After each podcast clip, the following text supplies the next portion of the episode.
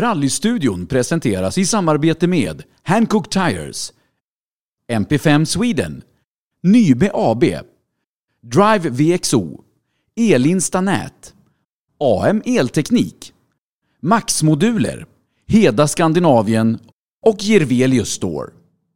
Mina damer och herrar, hjärtligt välkomna ska ni vara till det sista avsnittet för i år faktiskt av livepodden Rallystudion by Hancock här på Rally Lives Facebook-sida.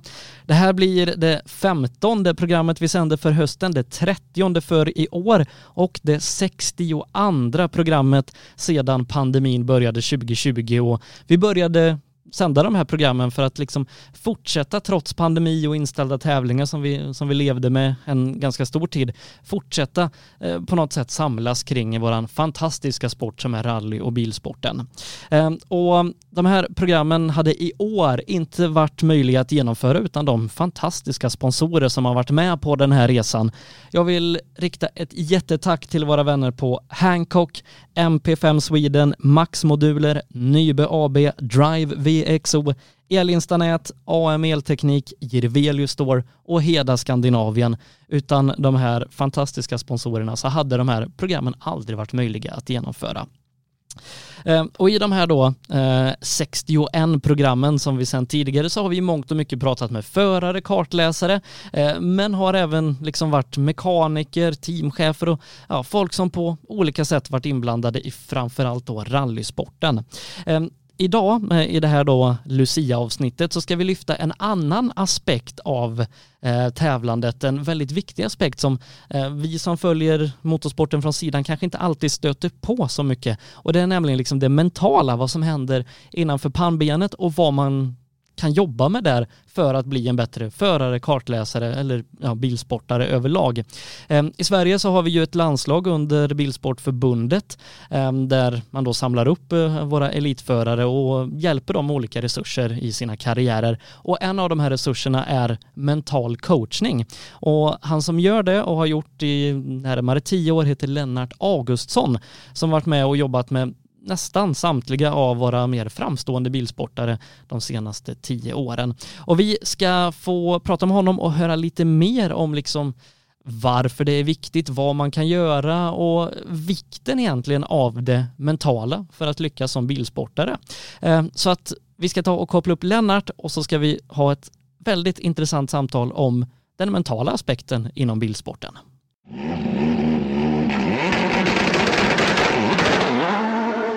Då, mina damer och herrar, ska vi säga hjärtligt välkommen till programmet eh, Lennart Augustsson. Välkommen hit, eller ja, digitalt nu som, som det är i dessa tider. Tack så hemskt mycket. Eh, du, till att börja med jättekul att få ha med dig. Eh, du, du, är väl mig vetligen inte förare eller något sånt där, även om du, du är bilsportmänniska? Ja, men det är helt riktigt.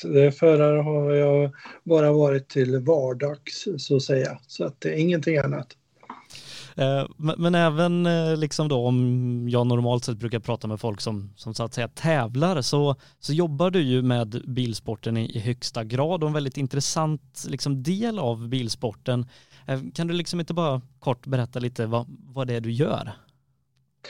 Ja, jag har ju fått eh, sedan ett antal år tillbaka det stora förtroendet eh, eh, och privilegiet att jobba med eh, förare och team och eh, de som är intresserade av den med eh, det man kallar för mental träning. Det vill säga hur vi kan tänka lite i olika situationer. Och jag tänker liksom att vi, vi, vi kommer in mer på vad du exakt gör inom motorsporten här, men liksom vem är du om vi, vi börjar i den, den änden? ja, eh, ja, vad ska man säga? Om det är utbildningsmässigt så pratar vi om att jag är då beteendevetare med ett antal specialinriktningar bakom mig.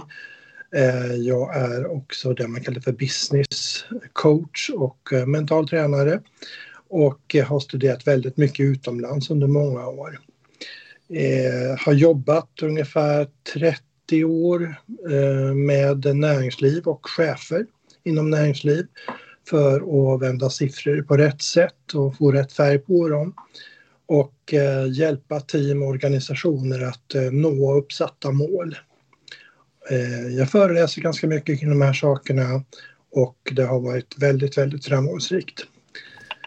För kan det vara tio år sedan ungefär så tänkte jag att nej, nu ska jag göra saker som jag bara eh, vill göra. Ehm, och då blev det att jag tog tag i lite idrottare och eh, har då sedan dess hjälpt dem att nå sina mål. Och det har också haft ett väldigt lyckat resultat. För ehm, åtta år sedan så blev jag då kontaktad utav en förare, Eh, en rallyförare och eh, hjälpte då honom till bland annat en eh, världsmästartitel och eh, sen har det rullat på med landslag och så vidare. Så jag känner att det är väldigt privilegierad och nöjd med det du liksom jag förstår jag gör ju väldigt mycket olika saker. Jag kan tänka mig att en dag ser inte liksom ut som den andra. Och om jag liksom skulle stanna dig på stan och fråga eh, vad, vad, jobbar du med liksom som att en målare säger att en målar. Vad, vad är det korta svaret på frågan? Oj. ja, mental träning, om man börjar med vad det är för någonting så handlar ju det egentligen om det man kallar för en kognitiv repetition. Det vill säga att jag jobbar med hur vi tar till oss, hur vi tolkar och hur vi använder oss av information. Och eh, det här kan man ju göra på bra eller mindre bra sätt. Så det är egentligen vad jag hjälper människor med, att någonstans eh, komma till den här tanken att gör jag på rätt sätt nu eller skulle det kunna gå att göra på ett annat sätt? Tänker jag rätt? Och vad får de här tankarna jag har ifrån? Så att det, det är mycket de bitarna jag hjälper människor och organisationer med. Man har ofta kört in på ett specifikt spår och säger så här är det. Och där är då mitt jobb att inte tala om för dem att nej, gör så här, utan någonstans få människor och organisationer att själva komma till en, en eh, tanke om att man kanske skulle kunna hitta ett annat sätt att göra det på. Eh, du vet ju själv hur det är att vissa dagar så när man vaknar så fungerar ju allting och vissa dagar fungerar ingenting. Så eh, vissa dagar är man eh, den här som hjälper sig själv och andra dagar så hjälper man sig själv. Och det är ju tankarna vi har uh, kring de här sakerna som vi ska, som jag jobbar med. Hur liksom kom det sig att du, du kom till det beslutet att ja, du ville inrikta dig mot, mot idrottare? Oj, ja, jag har ju ingen, som du frågade om förut, eh, idrottslig bakgrund när det gäller eh, just eh, bilkörning då. Eh, jag har varit skidåkare och eh, friåkare inom skidor och eh, hållit på med sådana saker och även klättrat berg och eh, åkt en del nerför sådana berg som jag har klättrat. Så lite grann där när jag höll på med de sakerna så började jag väldigt mycket fundera på vad tusan är det jag håller på med och hur funkar man i huvudet när man håller på med sådana här saker. Så jag började att intressera mig väldigt mycket för den typen av aspekter. Eh, så att det ena gav det andra. Idrott har jag generellt varit väldigt intresserad av i hela mitt liv. Jag höll väl på med all typ av idrott, allt ifrån klättring då till fotboll och handboll och alltihopa när jag var barn, så att säga. Mm. Jag kan ju liksom tänka mig att ändå, eh, även om idrott och om man säger näringsliv i mångt och mycket liksom har stora likheter så kan jag också tänka mig att det finns stora skillnader. Eh, liksom i, i näringslivet så, så kommer inte helt plötsligt en bil och kör rakt in i sidan på en från ingenstans, även om liksom kanske liknande situationer eh, kan uppstå. Men, men jag kan liksom tänka mig att just ovissheten i ett idrottsmoment skiljer sig ändå lite grann från en dag i näringslivet. Ja, det är helt riktigt. Det är andra aspekter som man behöver titta på i det läget. Eh, men eh, inom de här bitarna kan man tänka att ja, vad gör vi? Ja, vi tränar faktiskt. Tränar när vi mår bra, tränar när det fungerar för att vi skulle kunna hantera en situation när det inte går så bra och vara lite smart även i en situation där vi kanske får en bil i sidan. Eller köra av vägen eller vad det nu handlar om. Hur, liksom, du, du har ju pratat om ditt så att säga idrottsintresse men hur, hur såg och ser ditt personliga motorsportintresse ut? För bara för att man är idrottsintresserad behöver man ju inte vara motorsportintresserad. Nej, det är riktigt. Men jag, jag brukar säga att jag är född i ett garage. Så jag är uppväxt eh, i ett garage där det mekades med bilar hela tiden. Och jag var spädbarn de första gångerna jag var med och tittade på rally i skogen. Så att eh, jag är verkligen uppväxt in i den miljön så att säga. Så att eh, någonstans så har det väl eh, eh blivit naturligt att jag har ägnat mig åt bilsport på det viset. Så jag, jag brinner för det. Jag tycker det är skitkul. Det, det är det häftigaste som finns. Har du liksom följt det och, och tagit del av det ja, innan du började jobba professionellt med det? Ja, det var eh, besök på Svenska rallyt och så vidare. Så vidare. Så att, eh, absolut. Så jag är en av de där som har legat och övernattat ute i skogen och, och hört rallybilarna köra förbi på natten och sen ge sig upp på morgonen och ta sig därifrån. Så att eh, absolut. Hur kom du professionellt i, i kontakt med, med sporten? Eh, den första jag jobbade med eh, det var ju Pontus Tidemad som ehm, då kände att han ville ha lite assistans och eh, jag kunde då bistå lite med, med de bitarna. Vi jobbade med honom under ett antal år. Eh, han tyckte att det här var lyckosamt och eh, tog det till då förbundet som sa att ja men okej, låt oss köra några föreläsningar då så får vi se vad det kan ge. Och det där skapade ett intresse där andra förare hakade på eh, nästa förare tror jag var Fredrik Olin som jag jobbade med. Och sen så rullade det på och det blev mer och mer förare utifrån det. Så mm, vad hade vi mer för några där på den tiden? Dennis Rådström var med och så vidare. Och eh, några namn har ju bytts ut idag. Idag är det ju Tom Kristensson som jag jobbar ganska mycket med.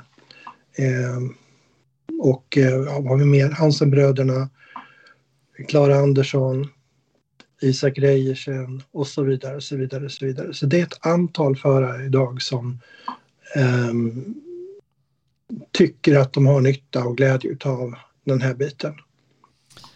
Men när du liksom sökte dig åt liksom mer idrottsliga uppdrag, hade du bilsporten i åtanke eller blev det liksom bara ett, ja, ett trevligt sammanträffande att du, du råkade trilla in på bilsporten genom Pontus då? Nej, både och skulle jag vilja säga. Jag jobbade även eh, på den tiden, även nu också med andra idrottare.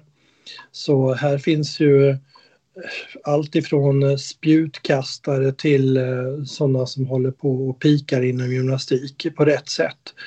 Och ehm, ja, hela registret. Jag hjälpte innebandytjejerna i Skoghall att ta sig upp till högsta serien. Jag jobbade med dem under ett år innan de tog sig dit upp. Och så vidare och så vidare. Så att eh, allmänt idrottsintresse har funnits hela tiden. Eh, sen så är det klart att jag har väl inte varit eh, ointresserad av att det är bilsport som har tryckt på, så kan man säga. Utan det har jag självklart bejakat. Jag tycker det är som sagt vansinnigt roligt. Bilsporten kanske i många aspekter ibland har legat lite efter andra eh, sporter. Liksom, ja, eh, pratar man typ med, med Petter Solberg så, så, så säger han att på, på hans tid då, då gick man ut och åt kött och drack vin på kvällarna eh, och liksom sådär. Nu, nu är det ju ja, träning och mental träning och förberedelse och sådana där saker så att liksom de här andra bitarna som andra idrotter haft tidigare har ju kommit mm. in i bilsporten kanske på ja, senaste decenniet liksom bredare hade liksom du också, jag vet inte om man ska uttrycka som förutfattade meningar, men liksom vad, vad hade du för tankar om, om ditt område inom bilsporten innan du väl började jobba med det? Nej, men jag kan se väldigt stora likheter inom det att, eh, med exempelvis skidåkning om du ska göra ett svårt åk. Eller en annan eh, idrott eh, där du ska göra en prestation som kräver verkligen ditt fokus och, och hela förmåga. Så jag ser att det är väldigt stora likheter. Att här ska du sätta dig i en bil som ska köra väldigt, väldigt fort på små kurviga vägar eller eh, som du sa själv att någon kanske kan riskera att köra in i mig eller vad det nu var för någonting. Det kräver mitt fokus verkligen ordentligt och att jag kan bibehålla mitt fokus på rätt sätt.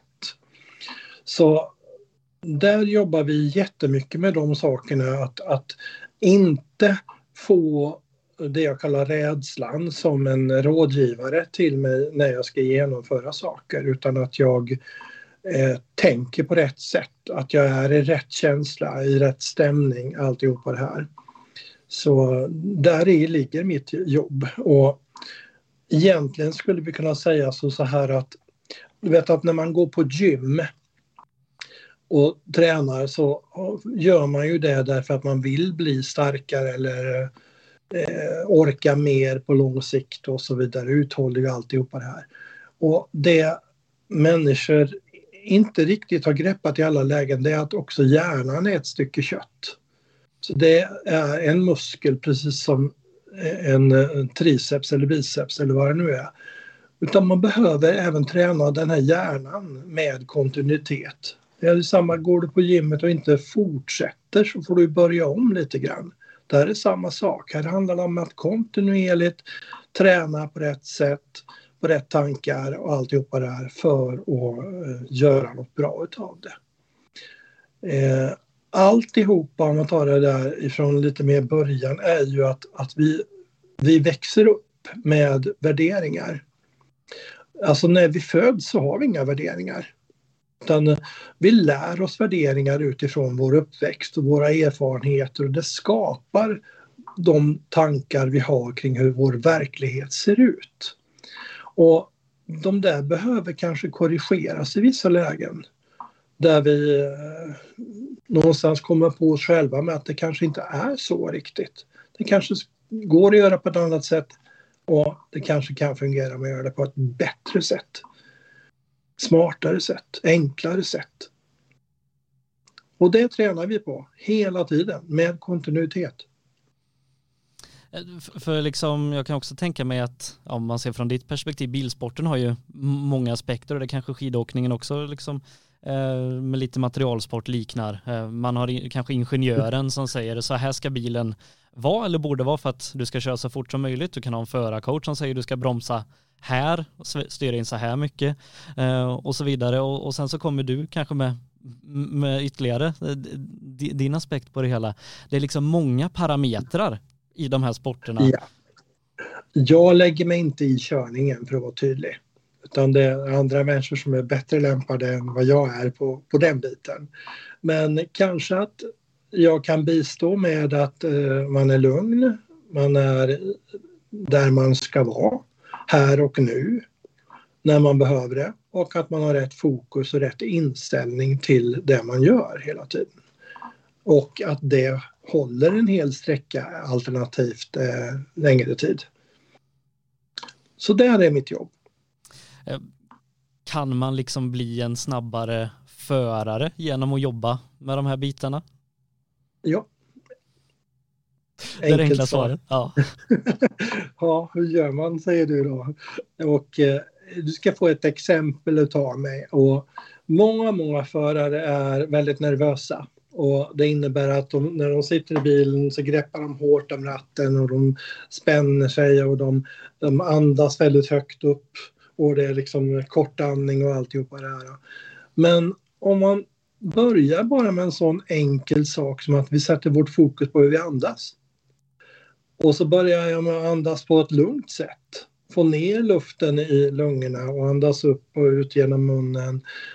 Vad händer då? ja, helt plötsligt så sätter du fokus på en så enkel sak som din egen andning. Och det innebär att dina axlar börjar slappna av. Faktiskt. Det blir mjukare i kroppen.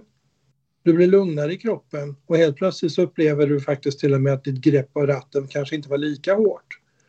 Och i och med att du är mjukare i kroppen, andas rätt, lättare och bättre så tänker du smartare. Och du blir mjukare i kroppen. Och då kan du ju ställa frågan så här att när kör jag bäst? När jag är mjuk och avspänd eller när jag stirrar stel som en pinne? Så att eh, det är klart att vi vill ha den här avspändheten i kroppen samtidigt som vi kan hålla ett fokus. Så att eh, det var ett litet exempel och det tar väl något lite längre tid att träna in än vad jag gav som ett exempel nu. Men, mm. Och det, det, en annan sak som kanske är unik i bilsporten om vi tar liksom sprint 100 meter då är det ju liksom jag och min fysiska förmåga som i mångt och mycket eh, avgör hur fort jag kan ta mig till den där mållinjen. Men om vi säger rally, då, då har ju bilen en maxkapacitet, vägen har en beskaffenhet. Det är många sådana faktorer som påverkar hur ja. fort det faktiskt kan gå. Eh, och då kan jag tänka mig att det är liksom det som sitter här innanför som avgör hur mycket av den potentialen i paketet som jag och min kartläsare nyttjar. Ja, men så är det. Och här är ju då oerhört viktigt att inte gå in i den fällan att någonstans tro att man kan påverka det man inte kan påverka. Och, utan att jag snarare i så fall sätter mitt fokus på saker som jag kan påverka och som jag kan kontrollera. Istället för att försöka greppa väder och vind, för det är det mest omöjliga man kan. Och de diskussionerna har vi ju hört både du och jag hur man klagar på väglag och Eh, snöförhållanden och, och, eh, hur torr vägen är och hur mycket sten det är och så vidare. Och så vidare. Ja men du har det du har. Det är vad det handlar om och någonstans sätt då fokus där fokus ska vara på det du kan påverka och det du kan kontrollera. Om du gör det så stärker du ditt självförtroende. Om du inte gör det utan du försöker fokusera på allt som du inte kan påverka och kontrollera, ja, då kommer du att mista självförtroende. En annan sak jag kan tänka mig liksom du, du stöter på, um, nu, nu pratar vi liksom de namnen du nämnde, de är ju kanske på, på den högsta nivån man kan vara inom bilsporten, liksom VM-nivå mm. och strax därunder. Och i många andra mm. sporter när du tagit dig dit, då det enda ansvaret du har då är ofta att prestera när man är där. Men så är det inte mm. riktigt i bilsporten utan många förare, eh, ibland ihop med andra men ibland är det ja, föraren eh, som individ som bär liksom det ekonomiska ansvaret för hela satsningen. Eh, yes. man, man, liksom ska ja, få in pengarna, man ska liksom ha eh, dialog och liksom tillgodose sponsorernas behov eh, både inför och under tävling och likadant om det händer något så, så sitter man ju med ansvaret att man kanske inte levererat vad man lovat sina partners och kanske Eh, behöver jaga in ännu mer pengar för en stor faktura. Det måste ju ändå påverka ens prestation att man, man har det här på sina axlar hela tiden. Ja, visst är det så. Och då backar vi bandet tillbaka precis det jag sa här, att vad är det jag då kan påverka, vad är det jag kan kontrollera? Ja, jag kan sätta fokus där mitt fokus ska vara, det vill säga på min körning, där är mitt jobb när jag är i min körning så att jag inte är i mötet med mina sponsorer eller mitt försäkringsbolag eller vad det nu månde vara när jag sitter i bilen. Utan eh, jag menar, jag har pratat med många förare som, som har eh, av en eller annan anledning inte lyckats hela vägen. Inom rallycross exempelvis där, där förare eh, leder ett race och de leder med god marginal och sen så helt plötsligt så händer någonting i finalen två varv från mål. Och de försvinner, de snurrar eller någonting. Och där jag efteråt ställer frågan eh, vad var det som hände? Och får svar, ja, ja, jag vet vad du är ute efter. Jag var någon annanstans i tanken, jag hade redan gått i mål. Och det funkar inte att vara någon annanstans än där man är. Och det är lite grann det jag menar med att, att man kontrollerar eh, och man kan jobba med det man kan påverka. Eh, vägens beskaffenheter, vad sponsorerna tycker och tänker. Jag kan inte ägna min tanke åt det. Det fungerar inte då. Utan jag behöver vara där jag ska vara. Ja. Men just den biten måste ju vara fruktansvärt svår för som i rally, du vet, ja, en decimeter längre in i nästa gening och det här kan kosta mig både min karriär men också en faktura på en halv miljon. Yes, helt riktigt och det är en svår ekvation, absolut är det så. Och det är därför man behöver träna på det. Uh, ja, kan, kan, eh, kan tänka mig liksom att uh, ja, det, det, är liksom när, när, man pratar om det så här så är det ju självklart men det, det måste vara en, en väldig process liksom att att, att hamna ja, där det, du nämner det är en process och det, det, är inte någonting som man bara går ut och japp, då var det klart. Eh, så är vi, eh, för många tror att ja, men mental träning det tar väl en halvtimme, en timme så är vi väl klara sen. Nej, det är precis som jag sa förut att det här är en kontinuitet i träning. Och det finns oerhört mycket variabla aspekter på alltihopa. Och jag menar, det vi, det vi jobbar med, det, eller jag jobbar med i alla fall, det är ju alltihopa från målbildsträning, visualiseringar, avspänningsövningar och så vidare. Och så vidare, och så vidare. Allt för att få ihop en helhet. Så att det är ingen quick fix vi pratar om. Många av dem jag jobbar med är ju då hos mig i fem år, fem, sex, sju år ibland. Och jag har fortfarande inom olika idrotter människor som, som har, ja, ett par stycken är åtta år tror jag. Mm. Så att det, det tar tid och det, behöver, det är inte så att det är varje vecka. Eh, jag är inte en PT som du ska komma till tre gånger i veckan. Det är inte det det handlar om. Utan här handlar det om att det kanske är mer intensivt inledningsvis men sen så blir det mindre och mindre tid vi lägger ner tillsammans. För att det här är en hjälp till självhjälp. Du ska så småningom ta över det här själv. Du ska fixa de här bitarna själv. Det är mitt mål med det. Ehm, alla individer är ju givetvis olika, men sen är ju sporter, näringsliv och sånt som jag varit inne på, det finns väldigt mycket som, som liknar varandra. Men, men finns det liksom generella saker som utmärker en bilsportare? Nej, det kan jag inte konkret direkt säga att det är ju målfor, alltså man är oerhört målfokuserad och eh, i alla fall de jag jobbar med är ju vinnarskallar. Precis som i andra idrotter. Så att eh, jag tycker inte det är någonting att man vill vinna och det, det är det det handlar om.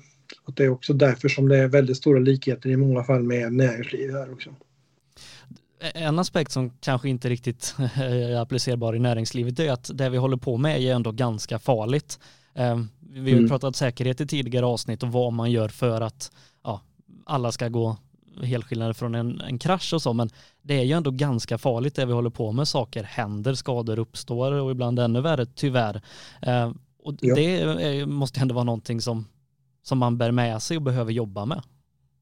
Ja, och sådana personer jobbar jag också med som är med på krascher och eh, då får en rädsla som kommer upp och ångest att man sätter sig i bilen igen. Och, och eh, så det behöver ju bearbetas och det finns olika tekniker som jag gör och jobbar med när det gäller sådant. Så det har hänt ett antal gånger, ja. Och det, det kanske man inte pratar med med en VD ja, fast de har också sina krascher. Fast de kanske inte rent fysiskt på det Nej. viset. Mm. Många av våra liksom framstående svenska förare, inte bara i rally utan andra discipliner, pratar ju om dig som en, som en del i sin framgång och liksom hur, hur känns det? Ja, det känns ju väldigt kul tycker jag. Så um, det skapar ju verkligen en, god stimulans för min del att uh, eh, någonstans en indikation på att ja, men det jag gör det är rätt för en hel del människor. Och jag är så glad att jag kan hjälpa till på det viset. Jag är väldigt tacksam för det.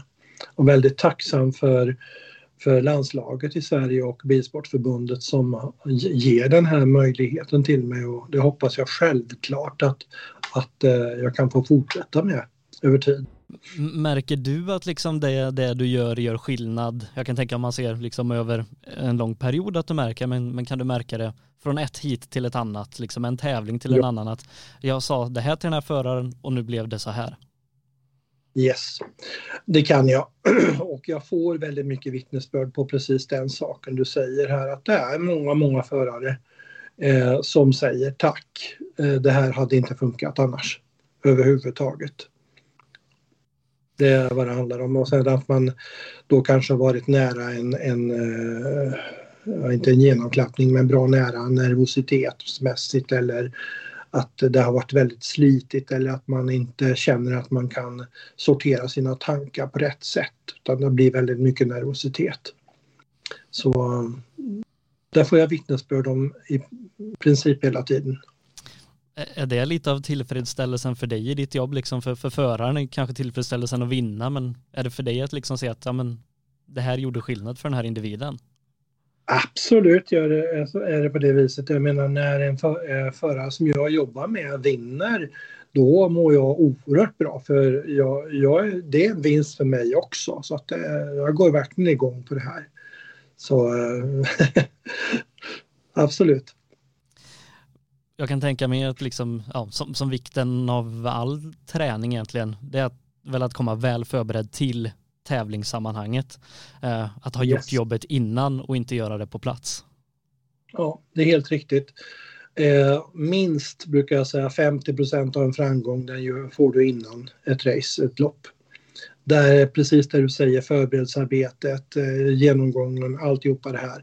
Och i många fall så är det så att, att eh, handen på hjärtat så orkar vi inte i, alta, i alla lägen utan att vi säger äh, det går nog bra ändå.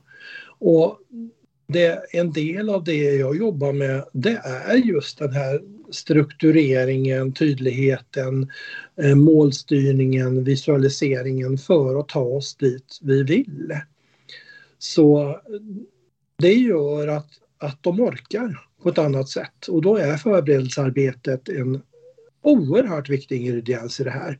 Du pratade på det förut att de tio sista åren har man börjat jobba mer med de fysiska bitarna och den arbetsbörda, den kraft som idag krävs är otrolig för att man ska ha en stor framgång inom sin, sin bilsportsidrott. Så det är annorlunda än vad det var förr. Det är inte speciellt mycket gå ut och dricka vin och äta eh, härligt feta måltider på kvällen efter ett race. Det är inte så mycket så nu för tiden. Jag kan tänka mig att i en perfekt värld så är ju arbetet gjort innan och du skulle inte behöva vara på mm. tävlingen mer än för ditt egna nöjes skull. Men nu är du ju på väldigt mycket tävlingar där våra svenskar tävlar och vad blir liksom, vad blir ditt jobb under en tävling? Mm. Och det kan vara väldigt olika men eh, det kan vara allt ifrån det här eh, en klapp på axeln, eh, säga några ord. Men jag brukar alltid låta föraren bestämma. Eh, hur vill du att jag ska jobba med dig under eh, den här helgen exempelvis? Eh, och det kan exempelvis vara då att ja, men vi tar samtal, eh, alltid samtal, bara korta samtal en, en 10, 15, 20 minuter innan ett race. Och sen så ta emot föraren, gå igenom vad som hände, vad var det jag har gjort bra och vad är det jag kan trycka ännu mer på och så vidare. Och så, vidare. så vi förstärker saker som har varit bra eh, för att utvecklas utifrån de bitarna. Eh, I de allra flesta fall så är jag inte med ute på tävling, ska jag vara tydlig på att säga, utan då sitter jag vid telefonen och ehm, ser race på tv. Så eh, det är samtal ifrån hela världen under helgerna och eh, pratar med förare i pauser och eh, bara ger dem tips per telefon och tänk så här, gör så här. Och det funkar. Ofta då så, eh, ja, när en förare eh, kommer tillbaka så, så vill ju ofta ingenjörerna vara, vara där först och liksom höra mm. hur har det varit och så. Kan det hända att förare väljer bort det för att prata med dig före ingenjören? Nej, det är till och med så att jag säger snacka med dem först. Okej, okay, ja. Mm. Det tycker jag är viktigt. De har en begränsad tid på sig att få ordning på det där som ska få ordning på. Hur, hur, är det, där, ja, men hur är det att få vara med där det händer? Ja, det är jättehäftigt. Depåerna är skithäftigt tycker jag. Så eh, jag blir ju erbjuden att åka med ut på sträckor och titta sådär. Eh, men jag väljer faktiskt bort det. Jag säger nej, då hinner jag inte prata med föraren när föraren kommer tillbaka till depå. Utan jag är i depån, det är faktiskt vad det handlar om. Jag är inte någon annanstans. Så, mm. Sen kan jag ju tänka mig att alltså det, det uppstår situationer, ja, incidenter och sånt där viljor går isär och sånt där och då, då kan ju ofta liksom känslor och sånt ta över. Hur, hur är det att hantera de situationerna som ju är en naturlig del av sporten? Tänker du då eh, viljor går isär mellan mig och en förare? Nej, nej men eh, rallycross. Två stycken har kört mm. ihop och de har var sin syn på vems fel det var till exempel. Mm. Då backar vi tillbaka bandet igen. Vad är det du kan påverka? Vad är det du kan kontrollera? Jag kan tänka mig att det är svårt i de situationerna. Ja, det är det. Och väldigt ofta så handlar det om att jag kanske inte ska vara den som säger nu du gjorde självklart rätt och den andra gjorde fel. Det, det handlar sällan om den biten.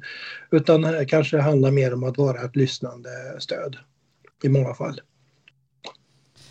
Jag tänker också att vissa som du jobbar med är ju konkurrenter med varandra. Hur, hur är det liksom att, för dig att balansera det?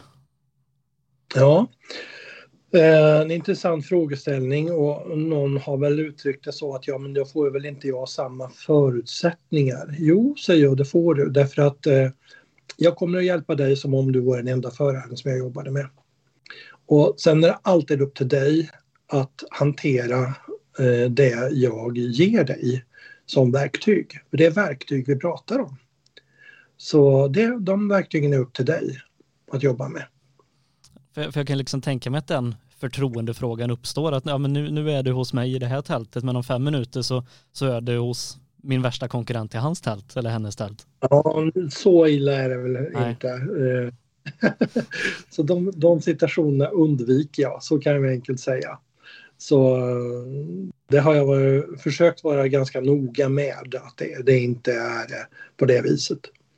För, för, jag kan tänka mig, nu jobbar ju du med landslaget, men, men vi är ju inte ett fotbollslandslag liksom där, där det är 20 personer som spelar tillsammans mot ett mål, utan ja, flera landslagsförare kan ju vara de som gör upp om samma medalj i det här fallet. Ja. Mm. Och de ska få av mig samma förutsättningar. Så att säga. Eh, jag mitt jobb är att vara så opartisk jag överhuvudtaget kan i en sån situation. Det är väl svårt för mig, självklart. Men jag kan väl definitivt säga att jag, eh, jag gör det jag kan för att det ska bli så lika som det överhuvudtaget är möjligt. Det håller inte att jag går in och har en favorit i eh, konkurrens med någon annan som jag coachar. Det går inte. Det, det sker inte, så kan jag enkelt säga. Och det, det, är ju en utmaning eh, liksom även för, för en som, som jobbar med, med det mediala och behöver objektiviteten i det hela. Det, det är en utmaning man bär med sig varje dag i, i jobbet för att man är ju fortfarande väldigt intresserad av idrotten.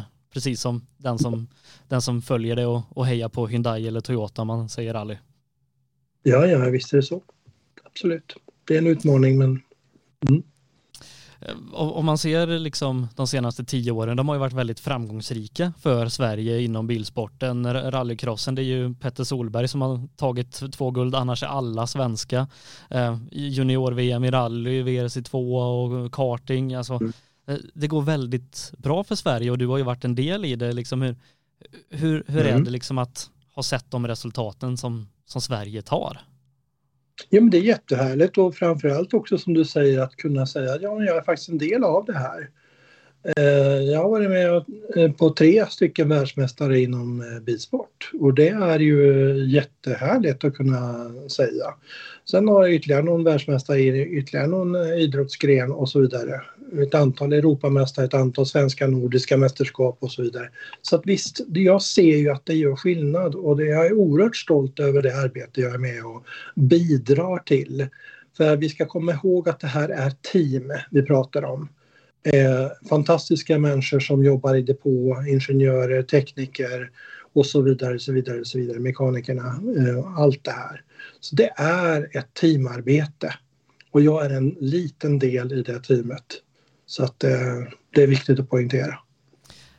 Men det går ju inte alltid lika bra liksom. Hur är det att vara en del av det i de tuffare stunderna? Det är kanske då som jag skulle kunna göra mer nytta i många fall när det behövs någon att, prata ut med, när eh, jag kan bistå med eh, att, lyssnande. Och eh, någonstans flytta fokus. För även i en sån situation så där människor, förare eh, uttrycker att det här är värdelöst, jag är så dålig så oj oj oj så är inte det riktigt sant. Och vi behöver nyansera den bilden i många fall och det behöver vi lite hjälp med. För att eh, hjärnan kan inte skilja på det vi kallar sant och falskt. Utan det vi väljer att trycka in i hjärnan, det fastnar där och skapar mönster. Så av den anledningen så behöver vi även i tuffa situationer välja att titta på det vi har gjort bra. vad var det utav allt det här som jag gjorde som inte gick så bra, så var det ändå någonting jag gjorde som gick bra. Vad var det då? Och trycka på den biten och få det fokuset så att vi kan göra nästa race på bättre sätt. Så att eh, det behövs ännu mer arbete när det är riktigt eh, tokigt. Men det är som sagt det är det vi tränar på när vi mår bra. Jag kan tänka mig att det är din roll att man har stött på båda de här sidorna samtidigt, alltså att det har gått bra, kanske då på bekostnad av en annan. Så att båda de här lägren existerar samtidigt. Ja, eh, jag är inte med om det så ofta. Det är jag inte. Utan, eh, som sagt, jag försöker att hålla mig undan just den typen av eh, konkurrenssituationer. Eh, nu, nu pratar vi ju mest om elitutövarna och det är de du liksom jobbar med men, men finns det liksom enklare saker som man kan tänka på om man tävlar på lägre nivåer? Om jag börjat åka Volvo original eller om jag är på en hyfsad hög nationell, semi-internationell nivå men ändå inte något kanske landslagsnivå. Finns det saker som, som man kan tänka på i, i de fallen? Ja, och du har fått väldigt mycket konkreta saker här. Att man ägnar fokus åt det man ska ägna fokus åt istället för allt eh, som är ovidkommande. Eh, hur många människor är det inte som eh, ägnar mer tid åt sociala medier än att göra, titta på verkligheten, så att säga. Bara en sån sak. Och att man bryr sig om det som står på sociala medier. Och fråga dig själv, hur mycket kan jag påverka? Hur mycket kan jag kontrollera det andra människor tycker och tänker på sociala medier? Och om jag nu är medveten om att jag dras ner av det, ja men varför ska jag då ägna mig åt det? Då är det väl bättre att ägna mig åt någonting som jag verkligen kan påverka och kontrollera istället. Fokus där fokus ska vara. Jobba med de bitarna, jobba med den fysiska biten, träna ordentligt på det viset. Eh, många gör det, många förstår innebörden av det, att ju bättre fysiskt tränad jag är, desto mer orkar jag. Jag har en, eh, otroligt mycket större andningskapacitet och så vidare. Så vidare, så vidare. Allt sådana saker som vi kan kalla för enkla, fast de kräver ett arbete. Det är vad det handlar om. Sätt fokus där fokus ska vara och gör det du ska göra. Bry dig inte om andra saker. Kan det finnas det, anledning? Ja. Eh, bara man gör de sakerna som man kommer mycket, mycket längre jag tänkte säga, kan det finnas anledning om man liksom känner att man be ja, behöver jobba med de här bitarna att även om man inte tävlar på VM-nivå söka sig till, till dig eller kollegor i branschen? Liksom? Mm, jag har en hel del sådana personer som eh, då gör precis det du säger. De säger att ja, men jag skulle vilja satsa lite mer. Skulle du kunna hjälpa mig? Ja, men självklart. Vi sätter oss i några timmar och eh, lägger upp ett arbete för det. Eh, det här med, det är inte bara elitsatsning. Den yngsta personen jag jobbar med just nu, han är 12 år gammal. det är lite fräckt faktiskt. Han, han kör eh, enduro och var fyra nu på Gotland Grand National, 12 år gammal. Så det är eh, lite häftigt tycker jag. Så att man kan börja när som helst och eh, mitt jobb är ju också då att hela tiden lägga det på en nivå som innebär att man förstår det vi pratar om och att man rent handgripligt kan få verktyg som fungerar i min vardag. Eh, så att jag ska också vara i min vardag när jag är i min vardag. Jag ska vara i skolan när jag är i skolan. Jag ska vara i tävlingsbilen när jag är där. Så att det inte är tvärtom. Och att det är Ågren med i det här för att jag inte har gjort det jag ska. Så, så man behöver liksom inte känna, ja, om, om jag till exempel har som mål att vinna Sverigeserien i Volvo original, att ja, men, de där bitarna är bara för, för VM-chaufförer, utan om, om man liksom känner det så, så kan man söka sig till det oavsett nivå liksom. Ja, det kan man. Och det är jättekul för det är många som gör det. Och det är eh, personer som är på ett gym exempelvis som säger att jag skulle behöva ha lite hjälp, jag behöver eh, få igång flåset bättre. Men jag känner ju att jag, jag orkar inte hålla på med den tre veckor efter nyår. Eh, så hur gör jag för att få kunna förlänga det här till att faktiskt orka ett helt år på gymmet? Så att mycket sådana bitar eh, finns där. Eh, ja. Har du liksom eh, i, i ditt jobb, eh, för du nämnde att du kanske inte tävlat aktivt själv, men har du fått prova på att åka i tävlingsbil i ditt jobb? Nej, jag har faktiskt inte gjort det. Är det tillfälle inte uppstått eller har du avböjt möjligheten? Jag har avböjt möjligheten. Och det var enkelt uttryckt så har jag en fysisk skada i, i två revben som gör att jag vill inte uppleva det just i nuläget. Ja, annars så kanske du har kommit insikten att det där är ju, det där är ju helt livsfarligt det de håller på med. Ja, men jag kan tycka att det ser jättehäftigt ut också. Um, jag gillar ju att köra bil. Jag älskar att köra bil. Jag tycker det är jätteroligt. Uh, och, uh, får man kanske inte säga, men uh, jag har kört väldigt mycket bil väldigt, väldigt fort. Och på fel ställen. Vi, vi, hopp, vi, hoppas att inga, inga, inga myndigheter hör det här då. Ja, det är preskriberat. Ja, skönt. Jag, jag, brukar ju som sagt 90 procent eller ännu mer är förare eller kartläsare och då, då liksom har jag ju tre frågor jag brukar ställa som, som kanske är mer applicerbara på, på deras vardag i sporten än på din. Men, men jag tänker att vi, vi provar i alla fall, det är alltid intressant att liksom se svaren eh, med, med lite olika infallsvinklar. Den, den första av de här frågorna då är, vilken prestation inom bilsporten är du stoltast över? Eh, ja, då behöver jag nog eh, gå tillbaka till eh, de tre eh, individuella VM-guld som jag har varit en liten del av och kunna hjälpa till på. Och då är det ju Pontus Tidemans VM-guld, eh, det är eh, Timmy Hansens VM-guld och det är då Tom Kristenssons VM-guld.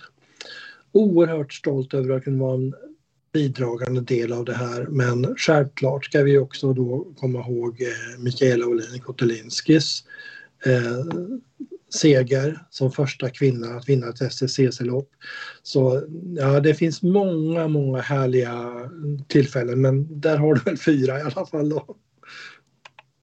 Uh, vilken är den häftigaste plats i världen du fått liksom uppleva tack vare bilsporten? Du, du har ändå varit runt lite. Ja, men jag har varit runt. Eh, och det, det, är kul och det kan, måste jag ju säga att det är ju de klassiska eh, markerna då som jag kan tycka är häftigt. Isle of Man är ju otroligt eh, kul.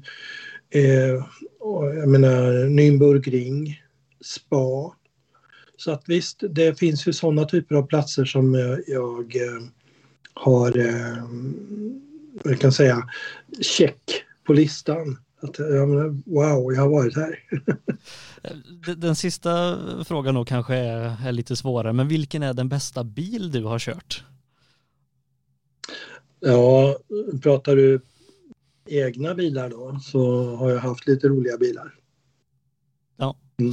uh, vi, vi, vi kan ju nöja oss med det som svar då. Ja.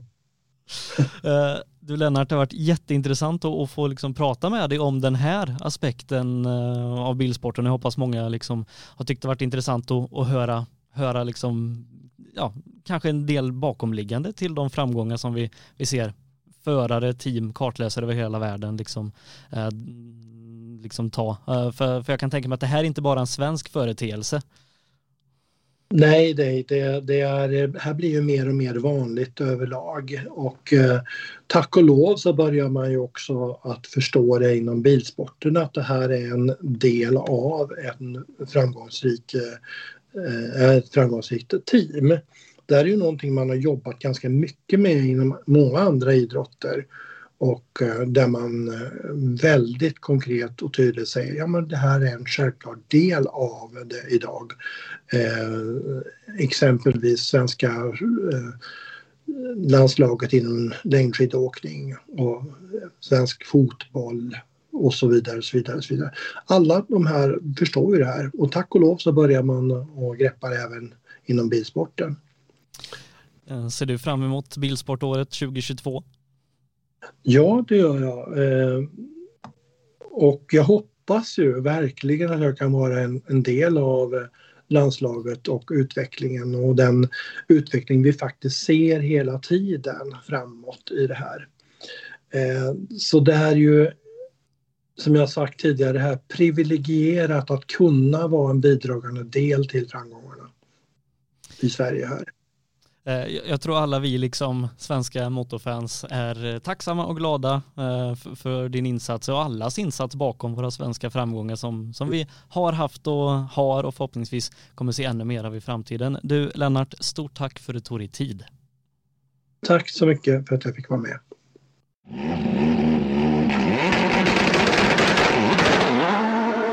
Återigen, stort tack Lennart eh, som eh, vi försökte få med några veckor men det var resor och sjukdomar och lite grejer som ställde till det. Jättekul att eh, Lennart kunde vara med i årets sista avsnitt här i rallystudion by Hancock och få höra mer om liksom vikten av det mentala inom bilsporten och rally för att kunna lyckas. Eh, jätte, jättekul och intressant att få höra mer om det. Eh, det här var som sagt sista avsnittet för i år.